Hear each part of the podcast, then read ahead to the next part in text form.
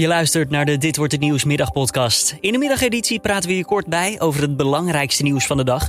Met vandaag duidelijkheid over de eindexamens, schaatsers vast in de Hofvijver en meer aandacht voor stemmen per brief. Mijn naam is Julian Dom. Het is vrijdagmiddag 12 februari en dit is de Dit wordt het nieuws middagpodcast. Het kabinet maakt 200 miljoen euro vrij voor jongeren en kwetsbare groepen. Ze hebben het namelijk moeilijk door de coronacrisis omdat ze eenzaam zijn. Ook moet er sportieve hulp komen om de coronacrilo's kwijt te raken. Wel moet alles passen binnen de coronamaatregelen, dus op afstand en waar mogelijk digitaal. De Amsterdamse burgemeester Femke Halsma deed gisteren nog een oproep bij Nieuwsuur voor meer aandacht richting deze groep. Als we dan overwegen om weer meer vrijheden toe te kennen, denk dan het eerst aan jongeren. En dat zou je bijvoorbeeld kunnen doen door de sneltesten die we aan het ontwikkelen zijn, om die vooral toe te gaan passen om jongeren meer vrijheid te geven. En dan een reddingsactie voor gestrande schaatsers in de Haagse Hofvijver. Het ijs is aan de randen van de kade gesmolten, waardoor mensen vrijwel niet meer op het vaste kunnen komen. Ja, meerdere mensen die zijn op de Hofvijver door het ijs gezakt. En aan de zijkanten is het ijs al heel erg aan het smelten. Dus mensen kunnen vanaf het ijs niet meer uh, ja, op de wal komen. De politie is samen met de brandweer en de Koninklijke Marechaussee te hulp geschoten en probeert met ladders mensen weer droog aan de wal te krijgen. En gisteren lekte het al uit. De centrale examens gaan dit jaar gewoon door, maar dat is nu ook bevestigd door onderwijsminister Slop. Zo mogen leerlingen voor één extra vak een onvoldoende halen, behalve voor een kernvak zoals Nederlands, Engels of wiskunde.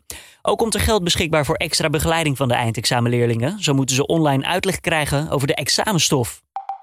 Minister Ollongren van Binnenlandse Zaken belooft meer aandacht te besteden aan de communicatie richting 70-plussers over het briefstemmen. Een proef daarmee in Den Haag op donderdag is namelijk mislukt. Er ging veel mis, zoals dat de stempas niet altijd in de juiste envelop was gestopt. De stempas was soms niet ondertekend of hij ontbrak zelfs. Uiteindelijk bleek de helft van alle uitgebrachte stemmen ongeldig te zijn.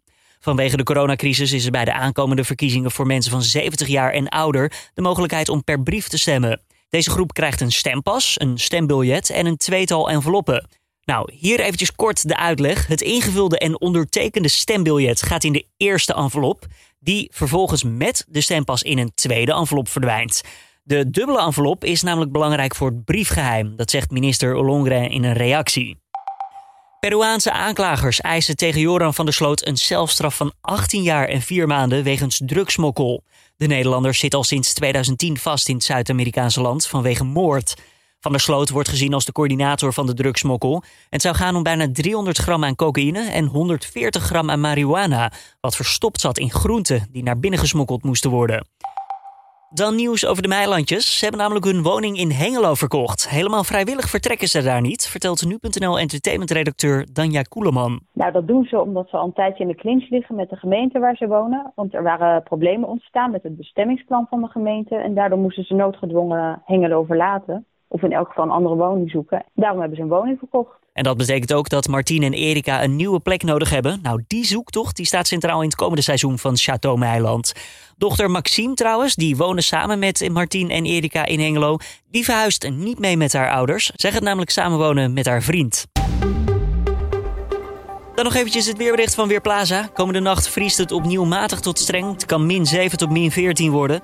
En ook het weekend verloopt vrij zonnig en zeer koud, met in de nachten vaak een strenge vorst. In de middag ligt de temperatuur iets rond de 0 graden. Zondag is in de zuidelijke provincies wel enkele graden dooi mogelijk. Dan nog eventjes dit. De Chinees-Indische restaurantcultuur in Nederland is vandaag officieel immaterieel erfgoed geworden.